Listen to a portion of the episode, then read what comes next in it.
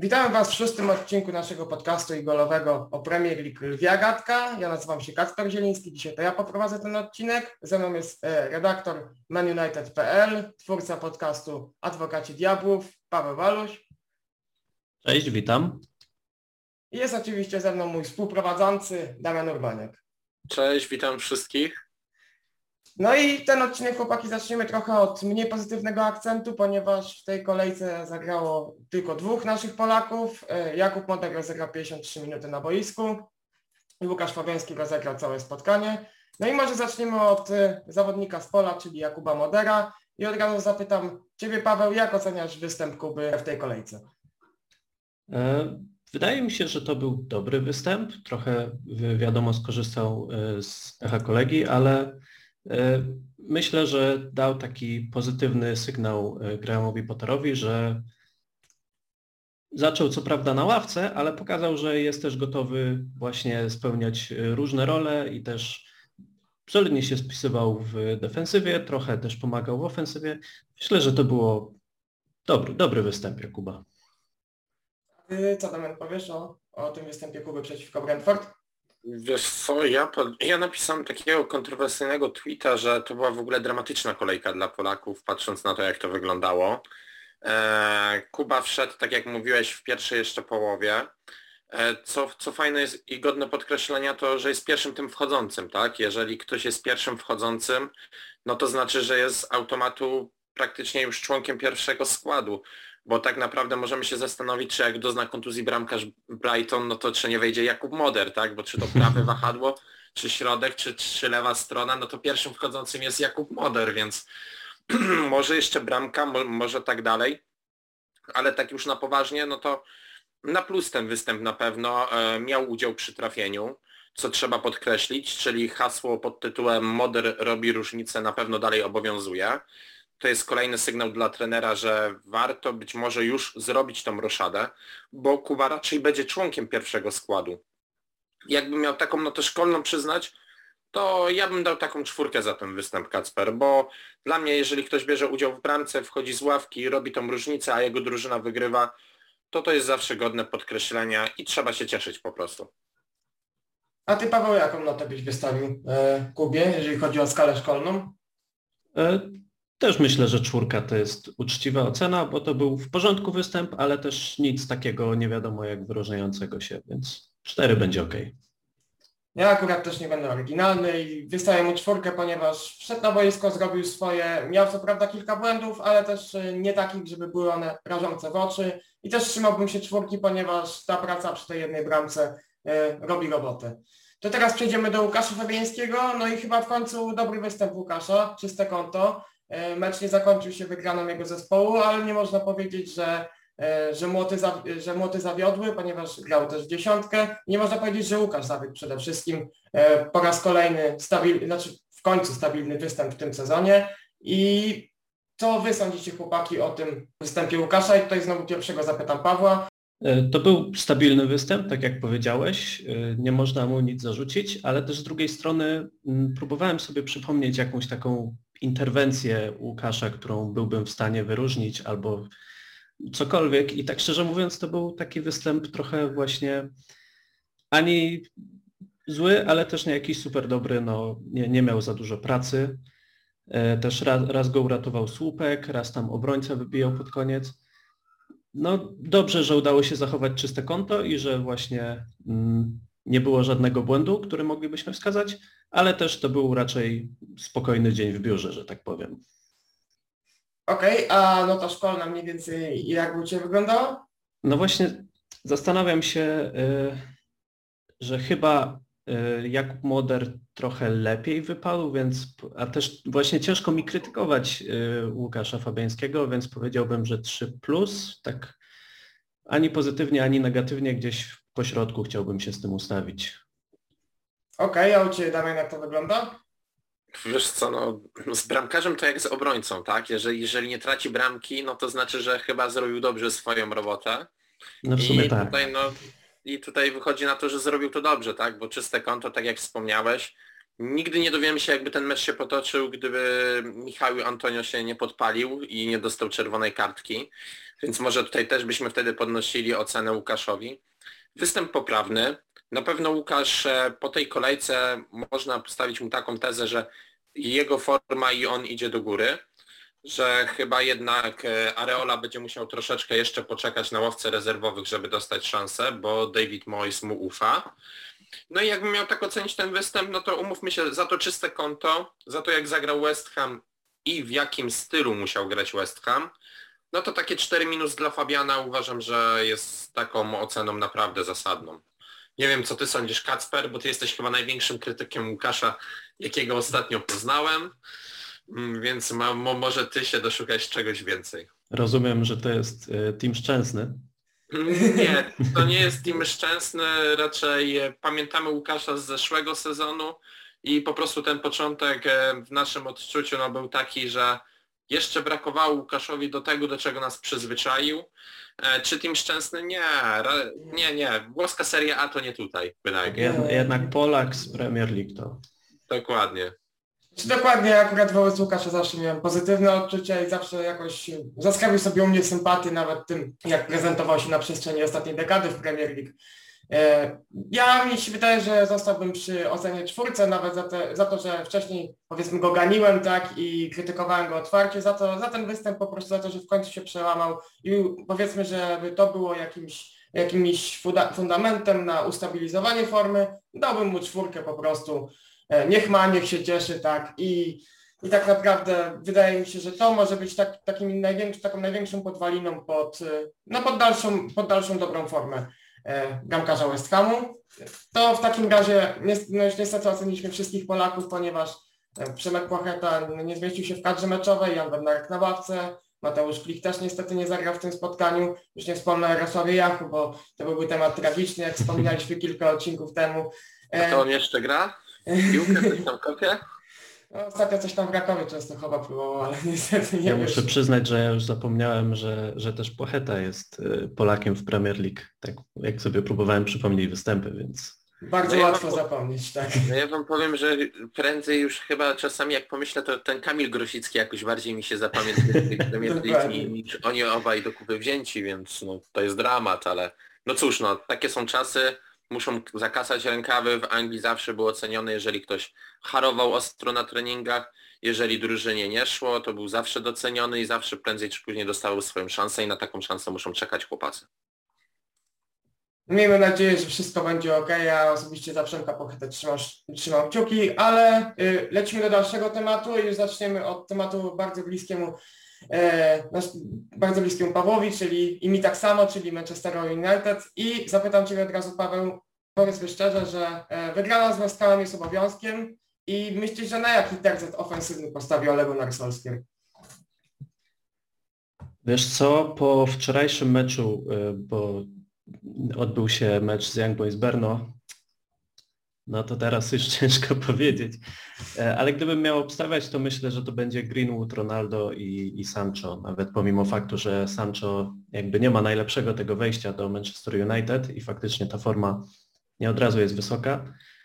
E, no ale też opcje pozostałe nie są aż tak kuszące, no bo jest, e, jest Lingard, który no teraz już troszkę się nie popisał, chociaż ostatnio też strzelił bramkę z Newcastle. No i jeszcze Antony Martial, no też umówmy się, że to nie jest obecnie najgorętsze nazwisko na Old Trafford. E, na Rashforda musimy poczekać, więc wydaje mi się, że tak, że to będzie e, na, na bokach Greenwood i Sancho i na środku Ronaldo. Nie próbowałbyś wariantu z dwójką środkowych napastników w postaci Ronaldo i Cavaniego, jeżeli byliby tacy dostępni nawet, bo jak dobrze wiemy, Cavani prawdopodobnie nie, nie jest dostępny na następny mecz, nie zagra. Czy ja bym nie spróbował? Kurczę, nie wiem, no to się wydaje z jednej strony ciekawe, z drugiej strony też wiemy, że Solskier bardzo często ma takie dosyć yy, podejście, że nie, nie za bardzo lubi aż tak mieszać nawet yy, tą, tą formacją, więc myślę, że to jest opcja na yy, słabszy wynik, kiedy trzeba będzie faktycznie gonić i wtedy może będzie tych dwóch takich typowych napastników, ale wyjściowo myślę, że nie, że, że Ronaldo i Cavani nie, nie wyjdą razem. No chyba, że w pewnym momencie to, że tak powiem, zażre i okaże się, że to naprawdę fajnie działa, no to może tak, ale e, raczej nie w najbliższym spotkaniu, nie spodziewałbym się tego. No tak zapytam jeszcze Cię, Paweł, trochę wyłączyć się Damian z dyskusji. E, chciałem zapytać, czy e, byłaby taka opcja ewentualnie wystawienia Pogby nieco wyżej jeszcze, obok tych napastników, jeżeli byłaby taka opcja, może niekoniecznie na, na pozycji Bruno, co właśnie na którymś ze skrzydeł. Widziałbyś coś takiego? Widzieć to bym widział jak najbardziej, zwłaszcza, że on na początku sezonu tak występował, prawda, i wyglądał wtedy naprawdę dobrze.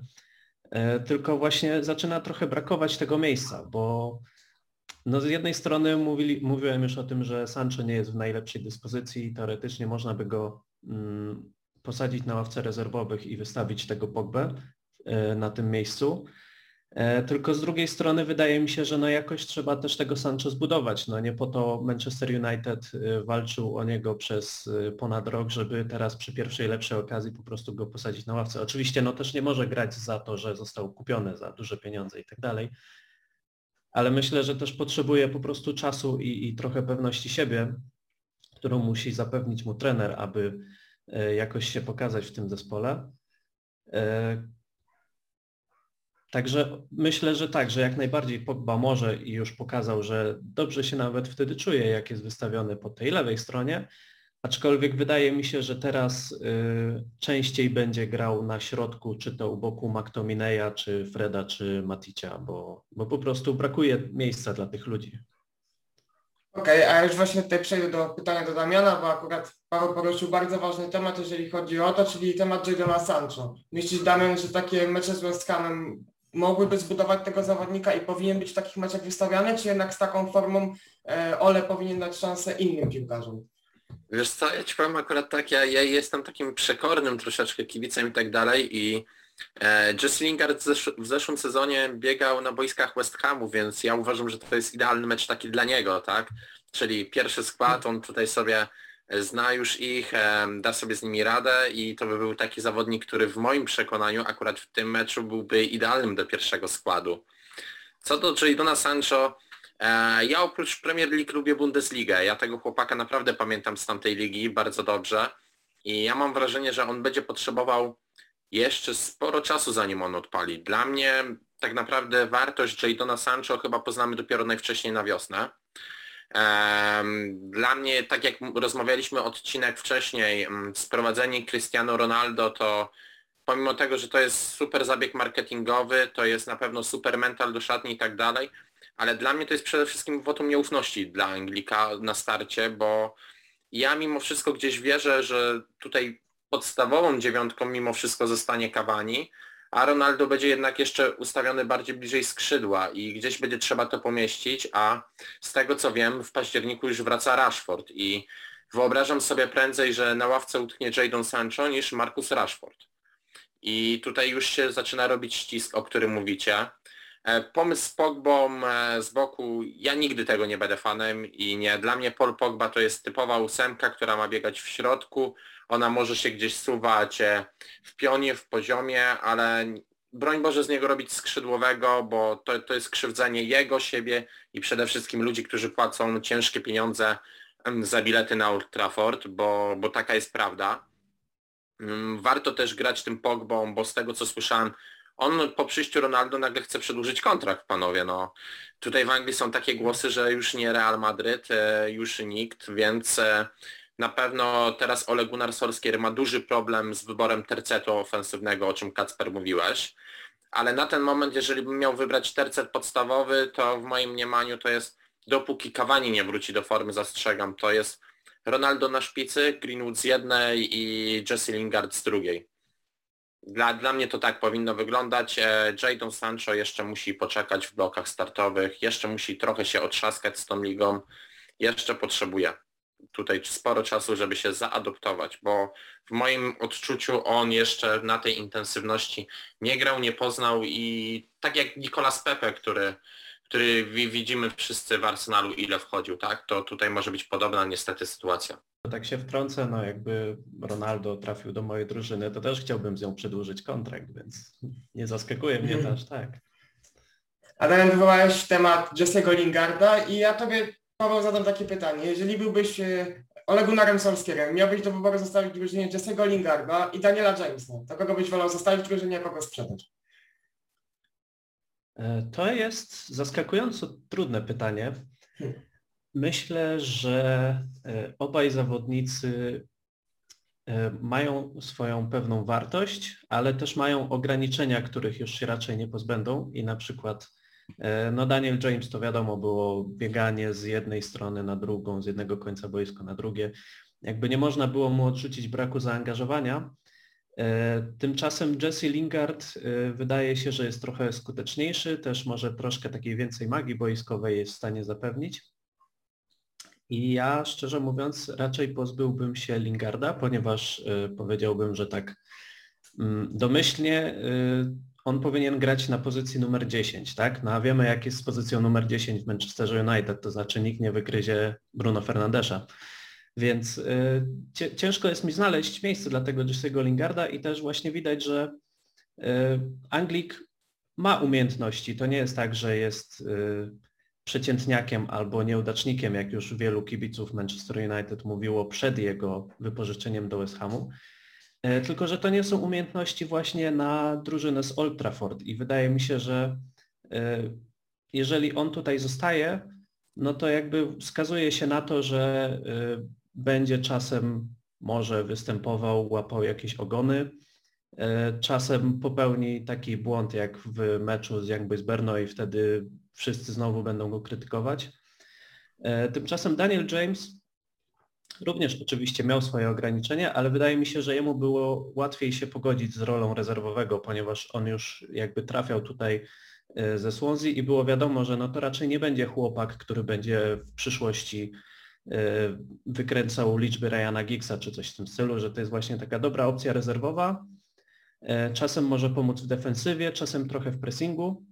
E, no i przede wszystkim pasował na to prawe skrzydło, z którym czasami jest problem, żeby je obsadzić w Manchester United. Dlatego ja się spodziewałem właśnie, że to raczej Jesse Lingard, zwłaszcza po dobrej połówce sezonu w West Hamie odejdzie, a, a zostanie Daniel James. Mm, stało się na odwrót. Czy to jest dobrze dla Jesse'ego Lingarda? Mi się wydaje, że nie, że właśnie chcielibyśmy go oglądać, y, kiedy grał tak jak w West Hamie, a w Manchester United nie będzie mógł tego robić.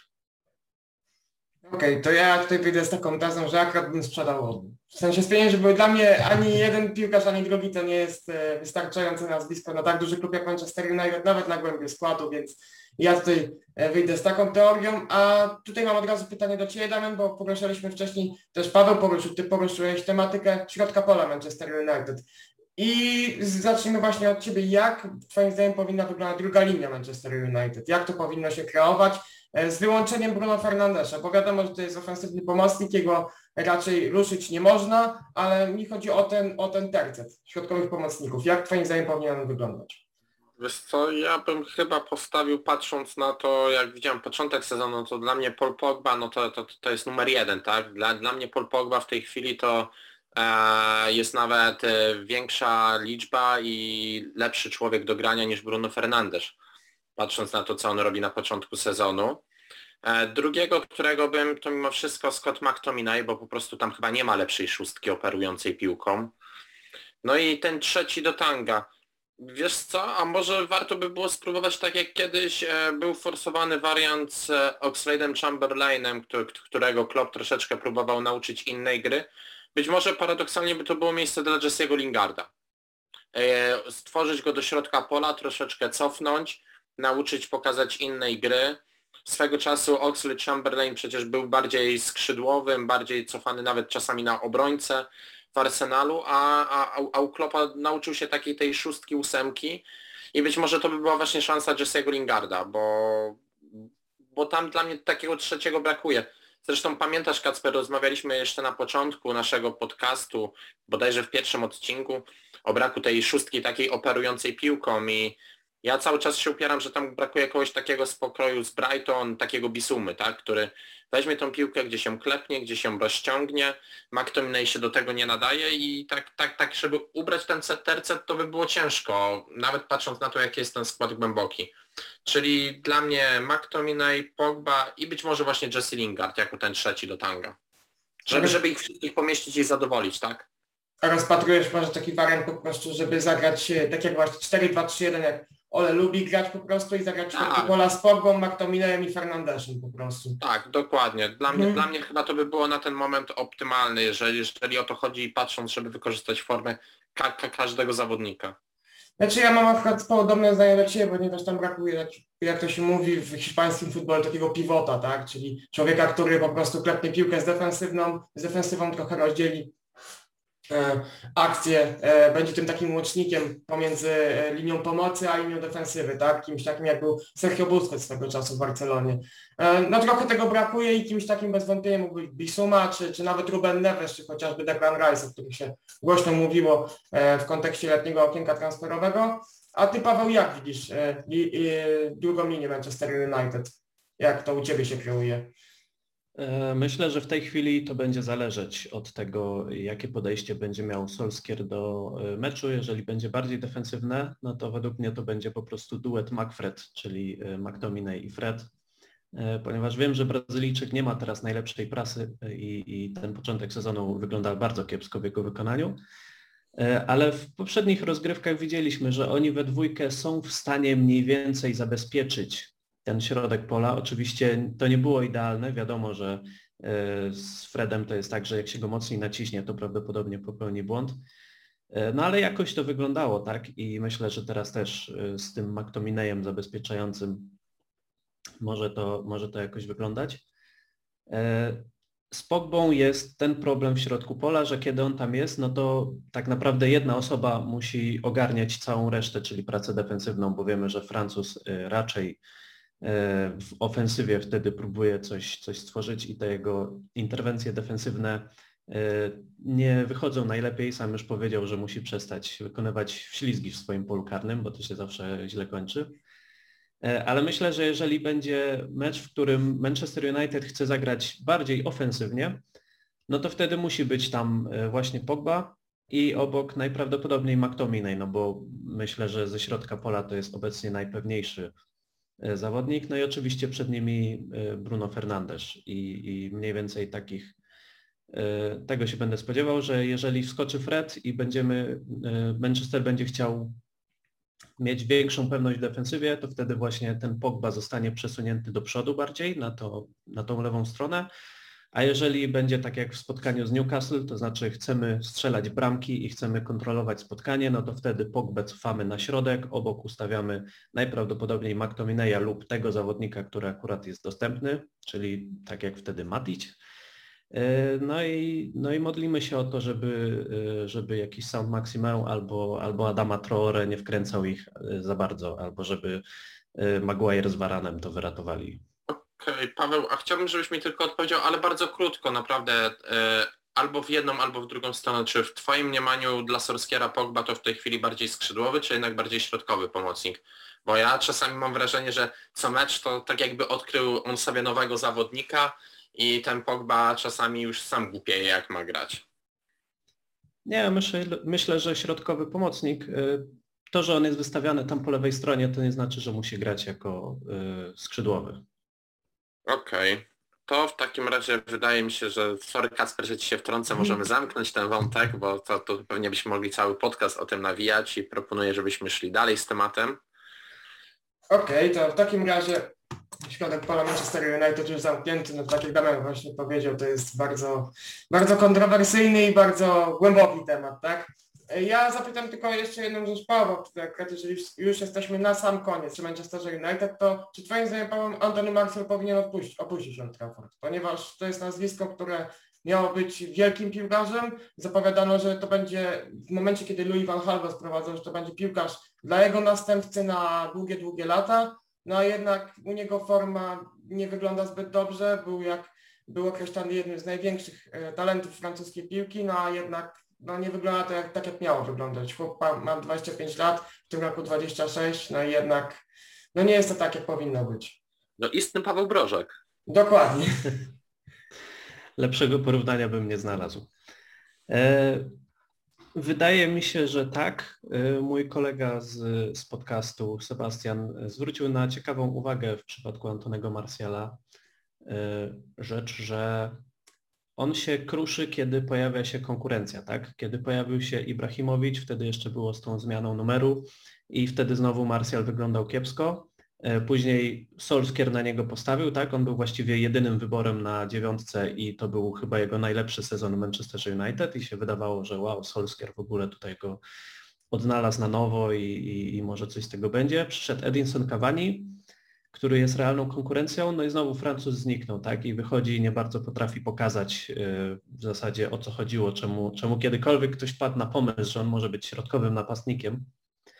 Yy, no i z taką mentalnością, no to po prostu nie można mieć miejsca w Manchesterze United, tak? No bo jakby z założenia tutaj zawsze musi być konkurencja i zawsze powinno być tak, że jest przynajmniej dwóch zawodników o w miarę równych umiejętnościach na jedną pozycję.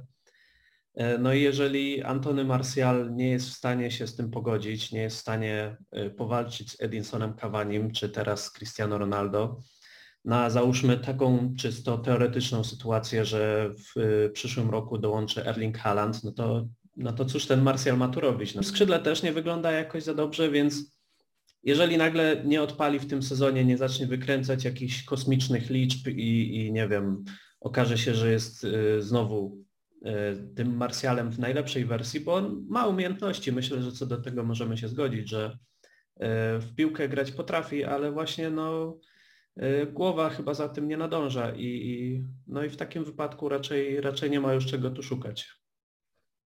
Ja od siebie tylko powiem, że trochę żałuję, że Manchester go nie spieniężył tam kilka lat temu, bo z tego co pamiętam były oferty, była chyba oferta z Arsenalu na dość opiewającą sporą sumę, chyba tam było 50-60 milionów funtów, więc rzeczywiście można było go za takie pieniądze sprzedać. Ok, w takim razie zakończyć temat Manchester United, ponieważ też moglibyśmy o tym rozmawiać godzinami. O tym pewnie już też nie raz powiemy e, w naszym podcaście i też możecie posłuchać tego u Pawła w podcaście Adwokaci Diabłów.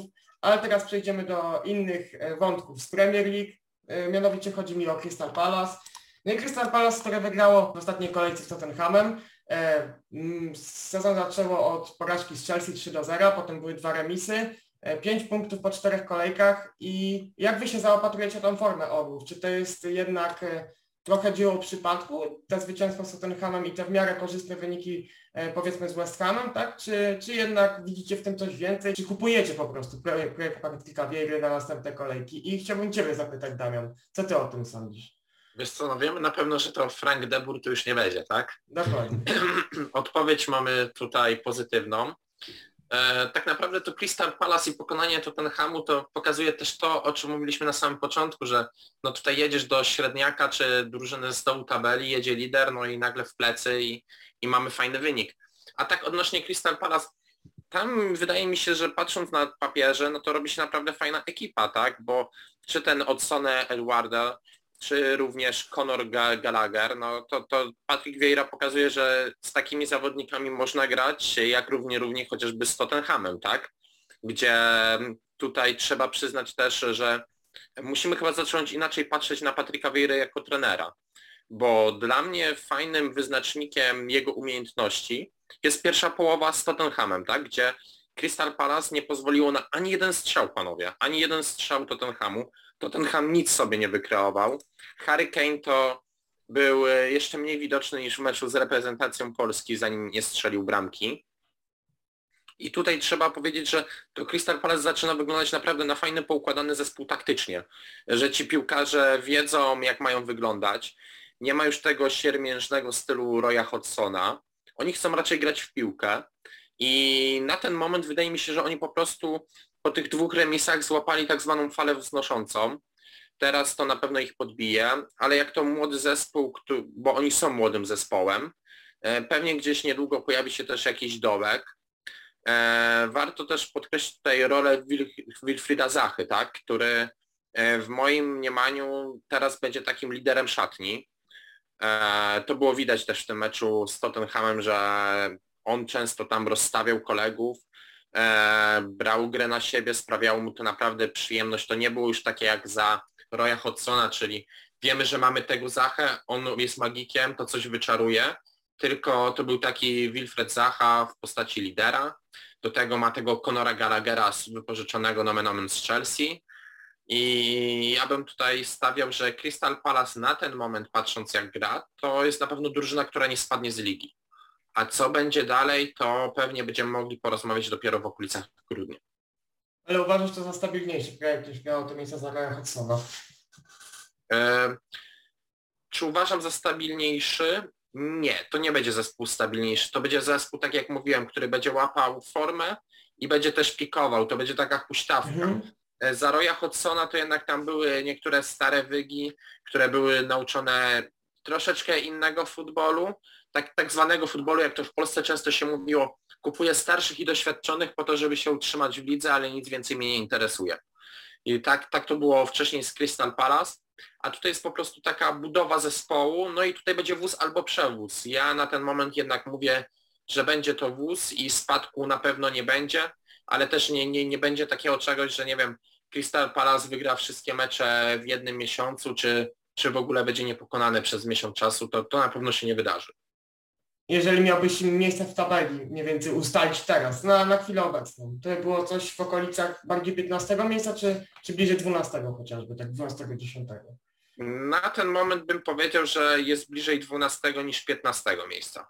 Okej. A typowo jak się zaopatrujesz na formę Crystal Palace i od razu tak zadam takie pytanie, czy e, Edward będzie miał więcej niż 10 bramek w tym sezonie Premier League? No po takim wejściu, no to muszę powiedzieć, że tak, oczywiście. E, No ale nie, faktycznie wygląda na takiego zawodnika, który jest w stanie tego dokonać i, i Crystal Palace potrzebowało takiego zawodnika. E, W zasadzie muszę się tutaj zgodzić z przedmówcą, ponieważ e, bardzo ładnie mm, opisał mniej więcej, jak to wygląda z tym Crystal Palace. To jest projekt, w który ja bym bardzo chciał uwierzyć, ponieważ bardzo mi się podoba historia tego, że wymieniamy Roya Hodsona z całym szacunkiem dla niego, bo, bo, bo mam ten duży szacunek dla niego i dla tego, co osiągnął w swojej karierze, no ale jednak to jego Crystal Palace e, to nie był zespół, dla którego się odpalało Premier League w niedzielę czy tam w sobotę, prawda? Mm. I przychodzi Patryk Vieira, mówi, dobra, my teraz stawiamy na młodych zawodników, my teraz stawiamy na bardziej atrakcyjny, y, ofensywny styl gry. No i myślę, że wszyscy byśmy chcieli, żeby takie historie się spełniały, żeby się y, kończyły pozytywnie. Y, Dlatego mam nadzieję, że to Crystal Palace będzie przyjemniejsze do oglądania, chociaż y, no właśnie, trzeba też pamiętać, że to jest zespół złożony w dużej części z młodych zawodników.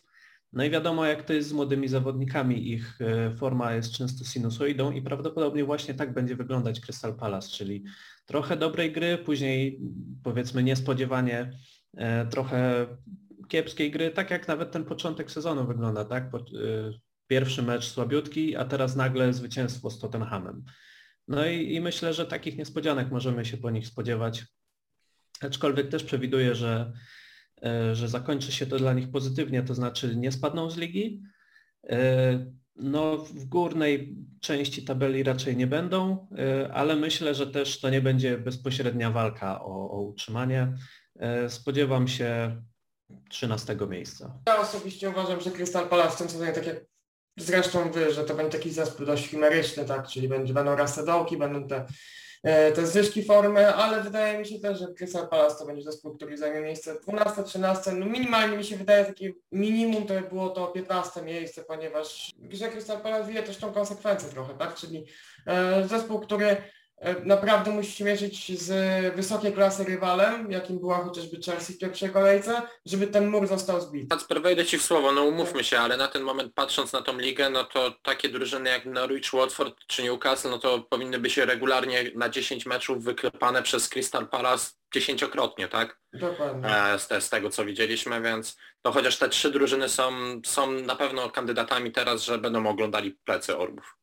Więc też ciężko sobie wyobrazić właśnie, żeby takie Norwich, Watford czy, czy Newcastle było wyżej w tabeli na koniec sezonu, tak jak powiedziałeś właśnie, że, że jednak to, no jednak bądź co bądź Norwich to jest największy pewnego spadku i powiedzmy sobie szczerze, razem chyba obok Watfordu i ciężko sobie wyobrazić, żeby do ich grona dołączyło Crystal Palace na chwilę obecną, zwłaszcza po tych pierwszych czterech kolejkach. Skończyliśmy na Crystal Palace, więc ciężko nie będzie teraz przejść do Tottenhamu i odcinek temu mówiliśmy o tym, że pragmatyzm Nuno Espirito Santo jest lepszy od tego Brendana Rodgersa, niestety zamianem się przywieźliśmy E, ale na początku zapytam Pawła, jakie ty masz Paweł odczucia po tym starciu Tottenhamu, ponieważ trzy pierwsze kolejki zwycięstwa po 1-0, tu już przegrana 3-0 i różnica bramkowa jest e, zerowa, tak, jeżeli chodzi o tabelę Tottenhamu. Jak to mniej więcej wygląda w twoim mniemaniu, jeżeli chodzi o kogutów?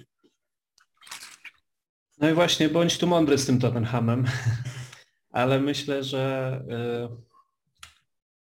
no, jaki Nuno Espirito Santo jest, wszyscy widzą i, i, mniej więcej wiemy, czego możemy się po nim spodziewać. I no dla mnie to nie jest y, kandydat na drużynę, która będzie realnie walczyć faktycznie z tymi zespołami top 4, może o europejskie puchary, ale też jak na przykład patrzyłem na ławkę rezerwowych Tottenhamu y, w ostatnim starciu, to no, no nie wygląda to zbyt przekonująco, prawda? I też pojawiają się te wszystkie e, problemy w stylu tego, czy Harry Kane zostanie, czy, czy, czy został tylko teraz, czy będzie chciał jeszcze przedłużyć swój pobyt na White Hart Lane. Wydaje mi się, że nie.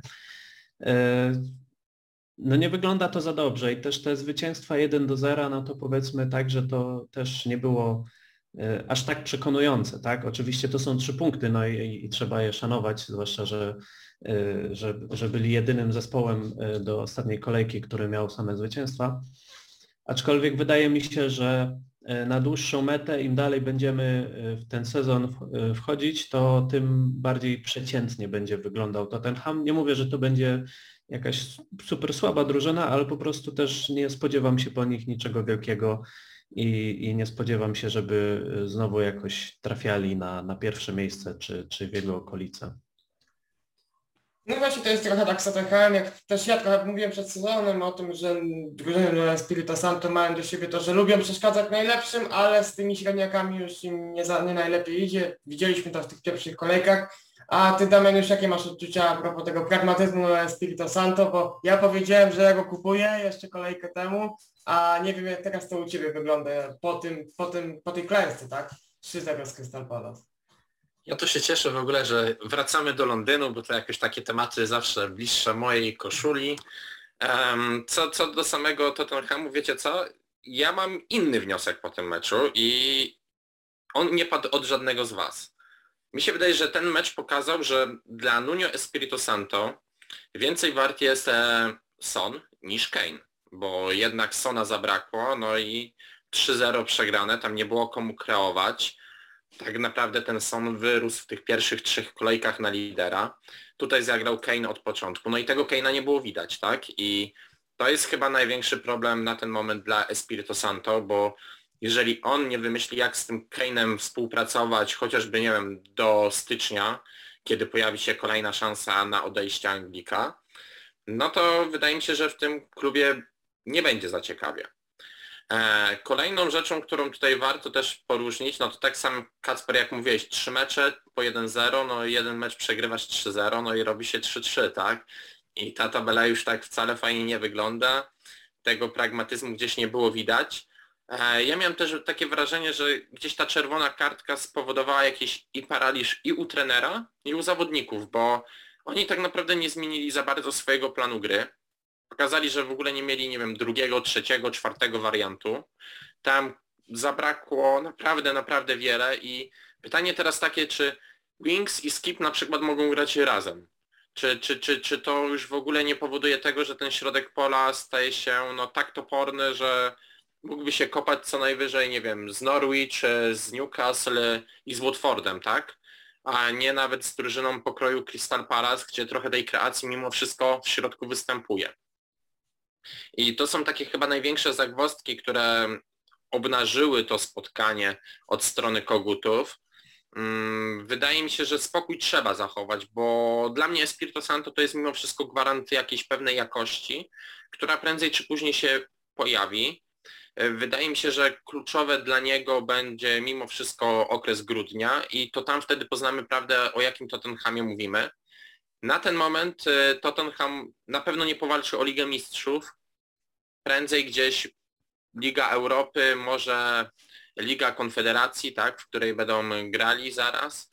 I wydaje mi się, że jeżeli Nuno Espirito Santo chce coś włożyć do gabloty, a potem przyszedł, to paradoksalnie może trzeba tą ligę odpuścić, wiedząc, że i tak nie masz szans bić się o Ligę Mistrzów, a zagrać wszystko w tej, konfer- od, w tej Conference League, tak? I ewentualnie stanąć w szranki o Puchar Krajowy, czy to Puchar Anglii, czy, czy, czy Puchar Ligi.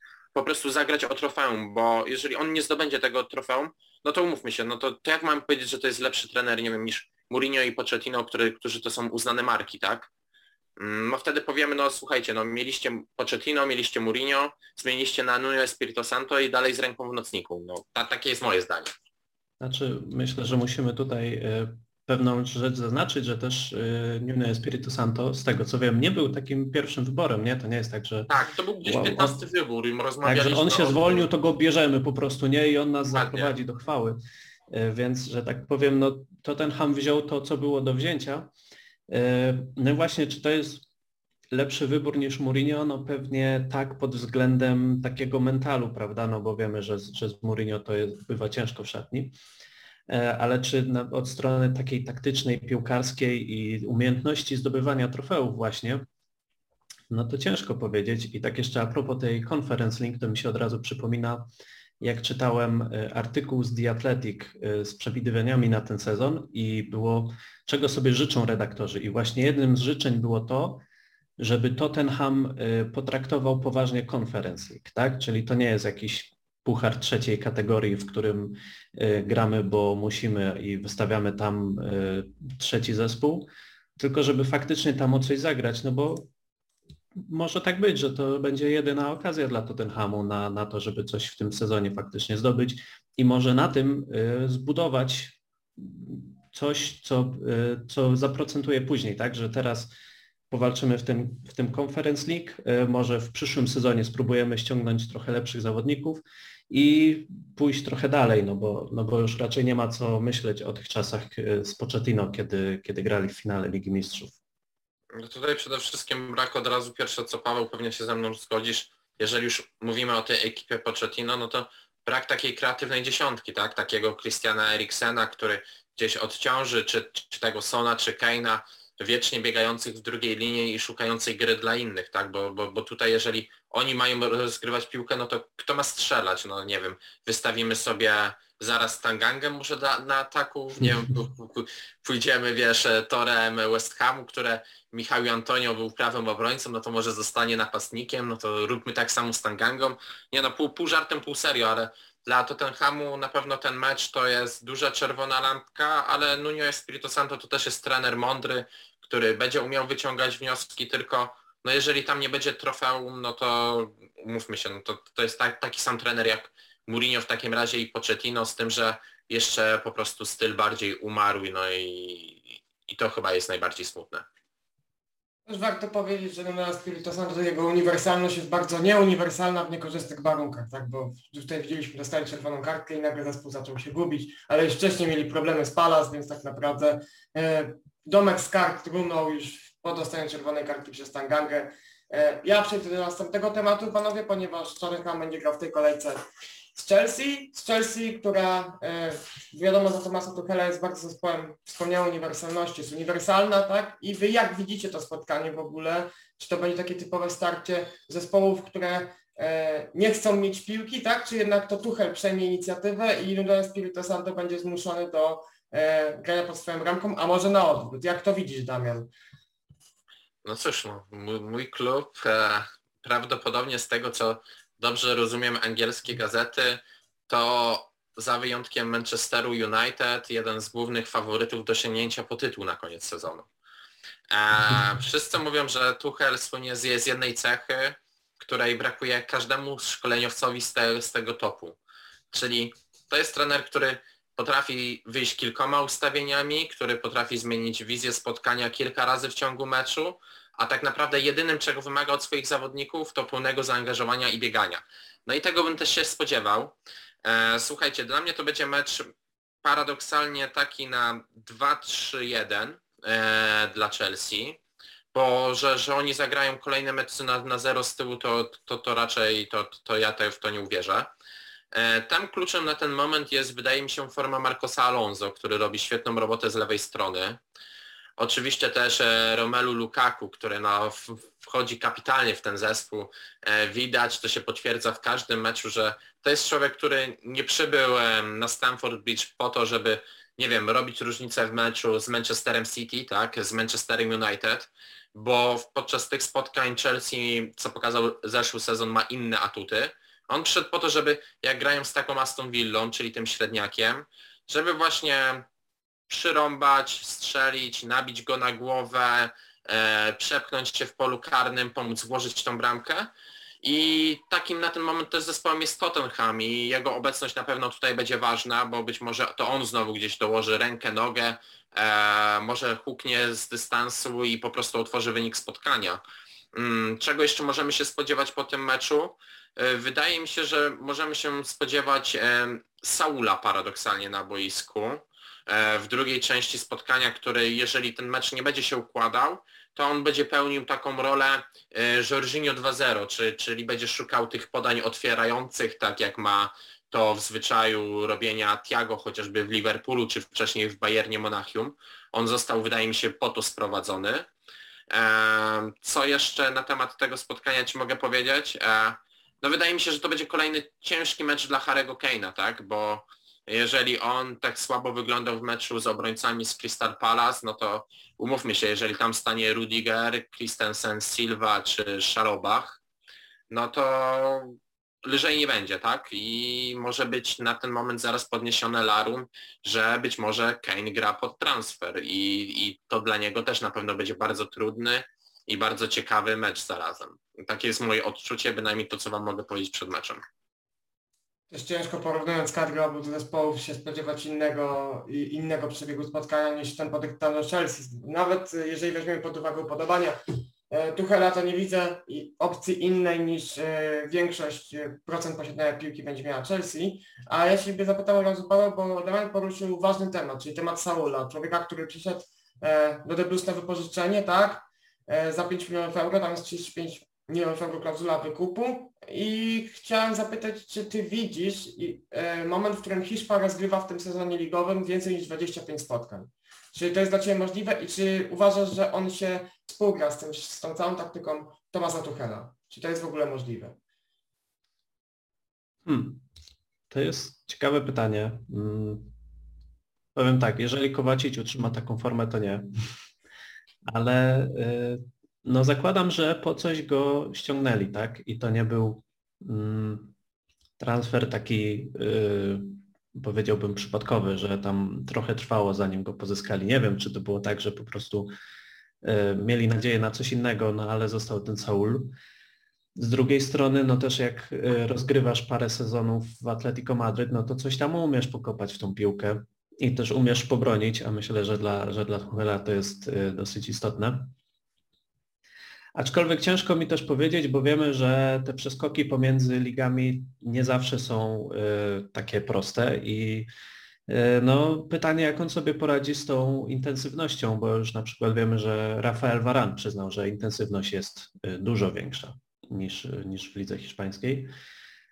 A też powiedzmy, że no w Chelsea nie ma słabej konkurencji na środku pola, tak? No bo Kante, Jorginho i, i właśnie Kowacic, który do, udanie wchodzi w ten sezon, mm, no to nie są rywale, których, których łatwo jest wygryźć, więc jeżeli e, dosyć szybko nie wskoczy na taki dobry, wyższy poziom, no to myślę, że może mieć troszkę problemów, że, że może troszkę ugrzęznąć w, w ławce rezerwowych u, u Tomasa Tuchela i grać w takich powiedzmy mniej istotnych spotkaniach, żeby, żeby odciążyć tych podstawowych pomocników.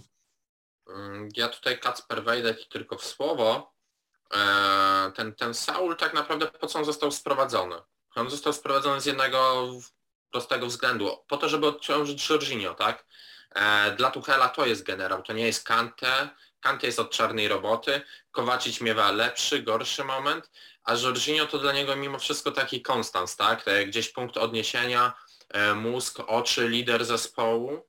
I po to też przyszedł właśnie tutaj Saul, żeby go odciążyć, bo trzeba pamiętać, że no na jesień Jorginho prawdopodobnie zagra wszystko w kadrze, tak? Oni tam mają takie mecze, że będzie trzeba zagrać te kilka meczy. Jest na pewno czas po euro, czy, czyli tak naprawdę z sezonu wejście w sezon, gdzie no, Jorginho też będzie potrzebował odpoczynku, bo był dociążony w każdych jednych rozgrywkach. No i przede wszystkim trzeba wziąć pod uwagę ilość frontów, na których zagra Chelsea, tak? Czyli to mamy Puchar Ligi, Puchar Anglii, y, klubowe Mistrzostwa Świata, e, potem mamy jeszcze Ligę Mistrzów, no, no, no i tak te mecze się mnożą, dochodzi reprezentacja dla wielu piłkarzy, czyli na pytanie, które tutaj zadałeś Pawłowi, czy zagra 25 meczów w lidze, śmiem wątpić, że nie, ale 25 spotkań w sezonie to już tak. E, warunek dla niego jest tylko jeden. E, on musi udowodnić Tuchelowi jedno, że nie będzie tak jak w momencie, kiedy był u Simeone, że jak został przestawiony na prawe wahadło, bo przestał się e, mieścić w środku pola, no to tak naprawdę piłka znikł, obraził się, no i był cieniem samego siebie. Jeżeli on pokaże teraz tutaj na angielskich boiskach, że ma te przysłowiowe jaja, że umie walczyć, że chce pobiegać, chce troszeczkę pobronić i poatakować, no to mamy tak naprawdę czwartego do Bridge'a, bo oprócz tego Kowacicza, Kante i Jorginho, tam nie było takiego czwartego wyboru naturalnego, tak? Kogoś, którego wiedziałeś, oglądasz mecz i był ten czwarty gotowy do wejścia. Nie było takiego kogoś, myślano o cofaniu Monta, y, myślano czasami, żeby może cofnąć tam nawet i zjechać, y, słyszano głosy czy Pulisicia, ale takiego czwartego naturalnego nie było do Brydża, a wydaje mi się, że Hiszpan za 5 milionów euro z taką opcją to jest idealne właśnie uzupełnienie i ten czwarty do Brydża się znalazł właśnie.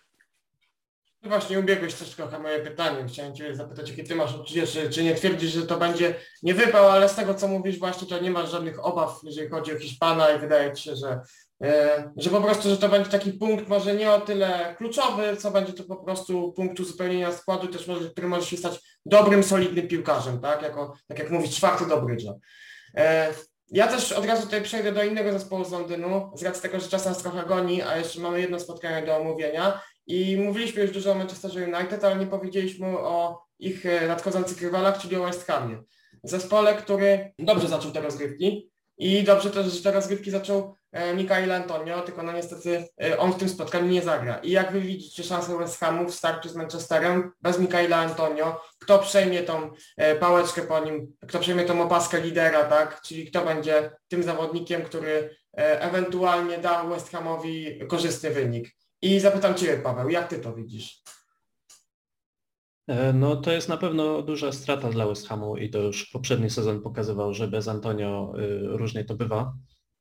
Ale z drugiej strony e, w tym West Hamie jest tylu y, ofensywnych, utalentowanych zawodników, a wiadomo, że no, o spotkaniu może zadecydować jedna bramka, tak? I to nawet może być e, Tomasz Sołczek, który potrafi przecież walnąć głową i zdobywać, i zdobywać te bramki.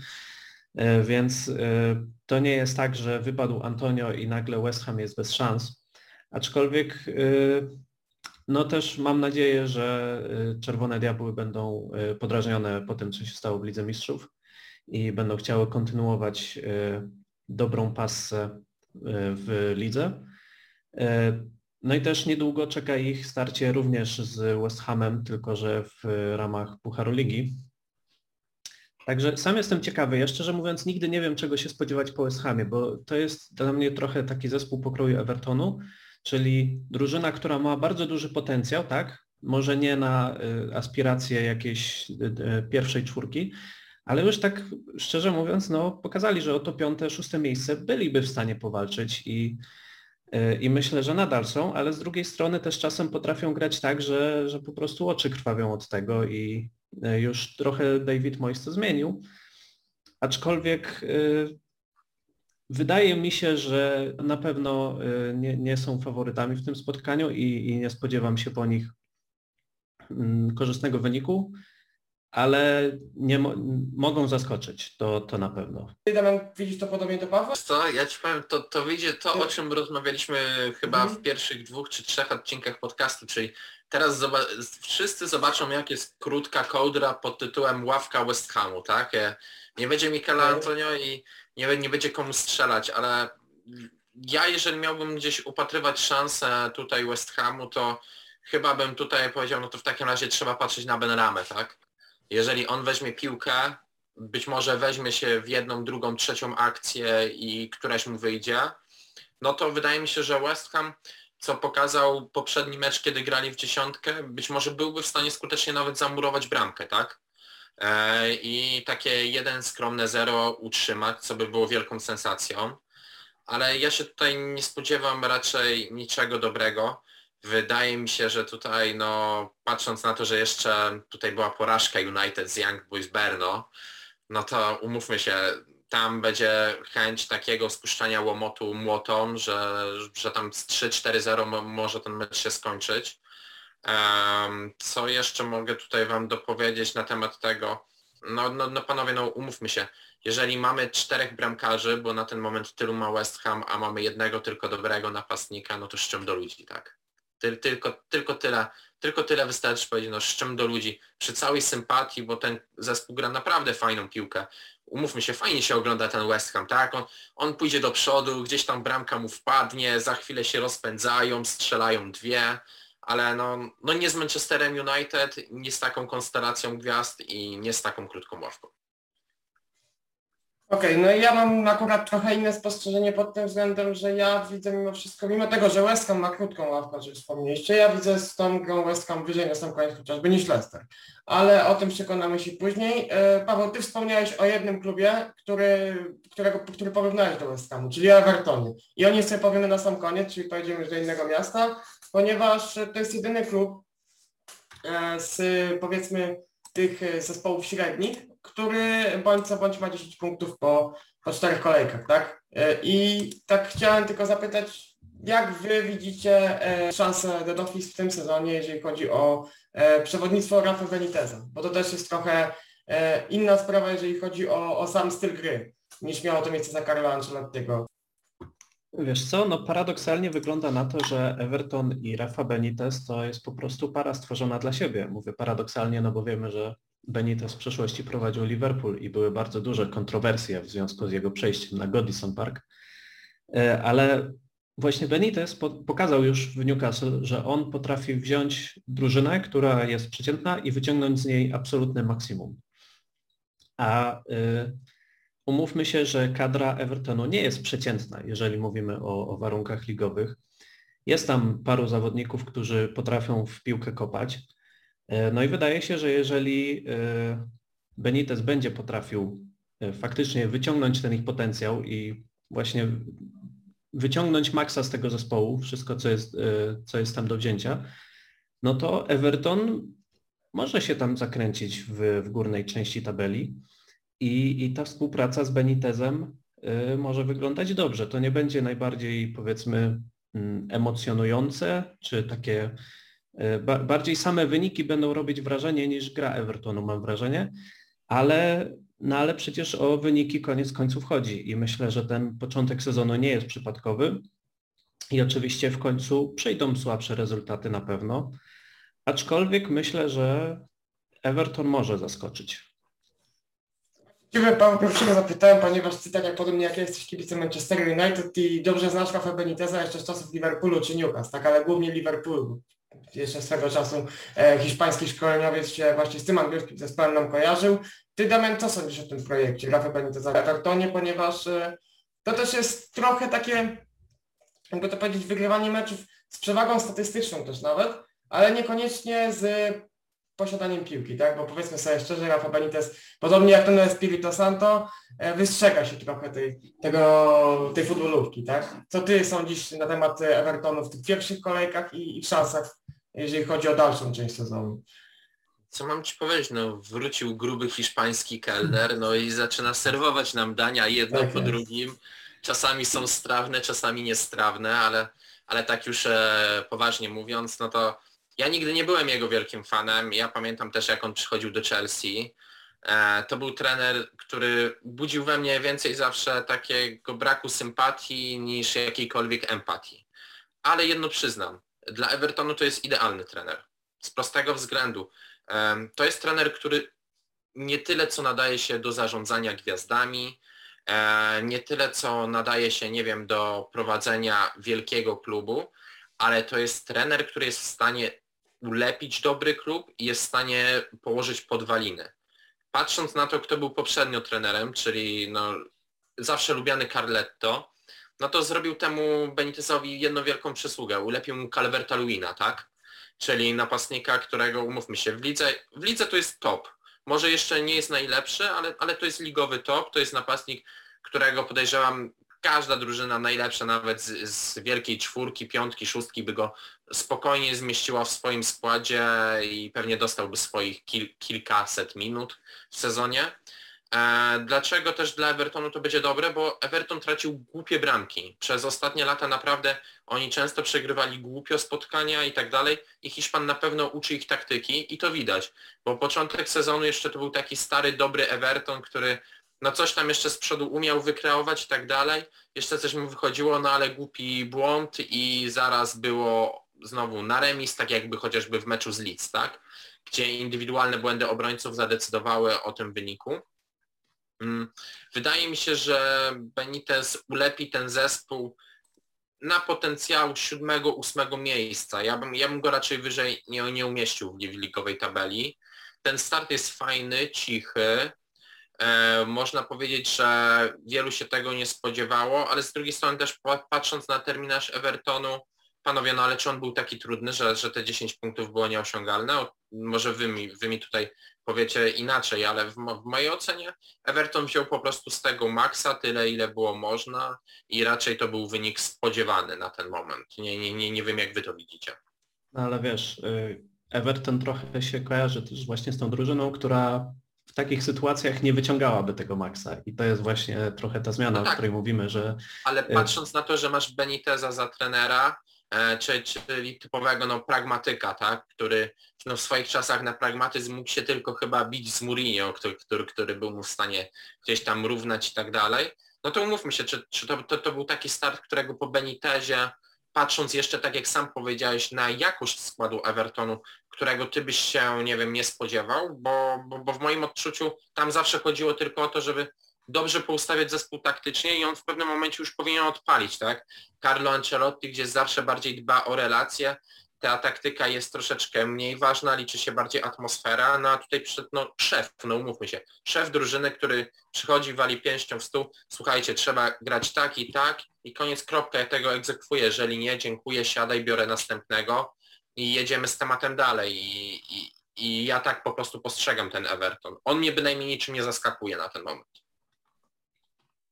Znaczy no zaskakuje tym, że, że nie jest sobą, ale właśnie tak jak mówisz, no mogliśmy się tego spodziewać po, po Benitezie i to jest ciekawe, ponieważ e, w poprzednich latach Everton mm, był taki bardzo naiwny. Był naiwny, jeśli chodzi o wybór trenerów i też jeśli chodzi o ruchy na rynku transferowym. I nawet e, to zatrudnienie Ancelottiego było takie trochę naiwne w stylu, że dobra, teraz bierzemy trenera z najwyższej półki, on tam wygrywał najwyższe trofea, więc może on nas wyciągnie, no a wiemy, że Carletto zwiał przy najbliższej możliwej okazji, tak, e, do większego klubu. I właśnie ten Benitez jest takim pierwszym bardzo pragmatycznym e, ruchem ze strony Evertonu i takim pokazaniem właśnie, że dobra, e, koniec z łatką ligowych frajerów, którzy wydają mnóstwo kasy i na nich się to nie przekłada, tylko właśnie chcemy gościa, który może nie będzie proponował nam najbardziej widowiskowego futbolu, ale właśnie te mecze, które będą miały być wygrane, będą wygrane. Mm, oczywiście pojawią się też porażki, no bo to nie są jacyś y, wielcy potentaci i zobaczymy, na co nam to wystarczy i, i co uda się na tym zbudować. I na tym chyba skończymy dyskusję o Evertonie. Ja Was jeszcze zapytam tak na sam koniec yy, i zaczniemy od Pawła z racji tego, że mamy jeden stały element w naszym programie, czyli plus i minus kolejki. I chodzi oczywiście o zawodników i kogo byś wymienił jako plus, a kogo na minus? No na plus, no to z racji y, tego, komu kibicuję, to y, muszę wytypować Cristiano Ronaldo. Piękny powrót do ligi, lepiej się nie dało. Y, a na minus dam z drugiej strony bramkarza Newcastle Woodmana, ponieważ bardzo mocno pomógł w tym, żeby Ronaldo pięknie wrócił do ligi i na tym poprzestanę. Okej, okay. a ty Damian, jak to widzisz? No to ja na minus postawię tutaj e, strajka z e, Leeds, który wchodzi, tak, w pierwszej połowie, w drugiej schodzi z czerwoną kartką. Dla mnie to jest po prostu coś, co, co, co nie powinno być miejsca do tego, no bądź co bądź wszyscy wiemy, że Harvey Elliott troszeczkę sobie w tą piłkę nie pogra, więc jeżeli miałbym szukać minusa, to ta czerwona kartka to, że był rezerwowym i to, że musiał jeszcze przedwcześnie opuścić e, spotkanie. Jeżeli chodzi o plus, to nie, nie chcę powtarzać Cristiano Ronaldo, bo, bo na pewno bym go wybrał, bo, bo, bo to wejście było kapitalne. Zresztą przyznacie, ja tylko tak na chwilę się odniosę do tego, że e, Portugalczyk też on bardzo chciał dobrze wejść, bo był na początku spotkania nerwowy. Tam mu kilka razy ta piłka gdzieś odskoczyła, ale no umówmy się, te śpiewy, magia Old Trafford, teatr marzeń, tak, no, no, no Cristiano pokazał, że Cristiano wrócił do domu, dwie brameczki i tak dalej, no ale nie, nie, nie chcę wybierać tego samego zawodnika, więc e, postawię tutaj na Mateo Kowadzicia od siebie. E, asysta, bramka, wydaje mi się, że chłopak w końcu tutaj doszedł do takiej formy, w jakiej chcemy go oglądać na Stamford Bridge, dlatego też wybieram na plus jego. Ewentualnie jeszcze jakbym mógł zmienić minusa, to może Harry Kane, bo to co zagrał z Crystal Palace, no to dno i 3 metry mułu. Okej, okay, ja akurat wybiorę tutaj dwóch zawodników z meczu e, Crystal Palace. Tottenham, czyli na minus dam Jeffa Tangangę, ponieważ więcej się spodziewałem po tym zawodniku i też trochę w pewnym momencie, jak widać było po tym star starciu z Wilfriedem Zachą, trochę mu czasami odcina dopływ krwi do mózgu, że on w tamtej sytuacji, kiedy już posiadał tą jedną żółtą kartkę, nie powinien e, wdawać w jakiekolwiek dyskusje czy w jakiekolwiek e, niepotrzebne faule a na plus kolejki też tutaj nie, chcę, nie chcę się powtarzać po Was, akurat też pewnie bym wymienił Cristiano Ronaldo, e, jak każdy po tej kolejce, ale chyba postawię na e, Odsona Eduarda, ponieważ zaliczył fajne wejście na boisko, strzelił dwie bramki i to się chyba dla kibiców Crystal Palace liczy najbardziej, więc e, na tym skończymy. Ja Wam wszystkim bardzo serdecznie dziękuję. Gość, gościł u nas w tym odcinku Paweł Waluś z manunited.pl. Dzięki, trzymajcie się.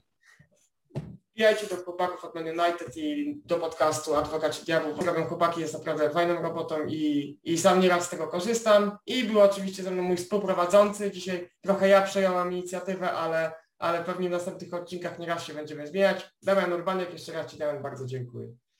Ja również dziękuję, pozdrawiam Was i słyszymy się prawdopodobnie znowu za tydzień.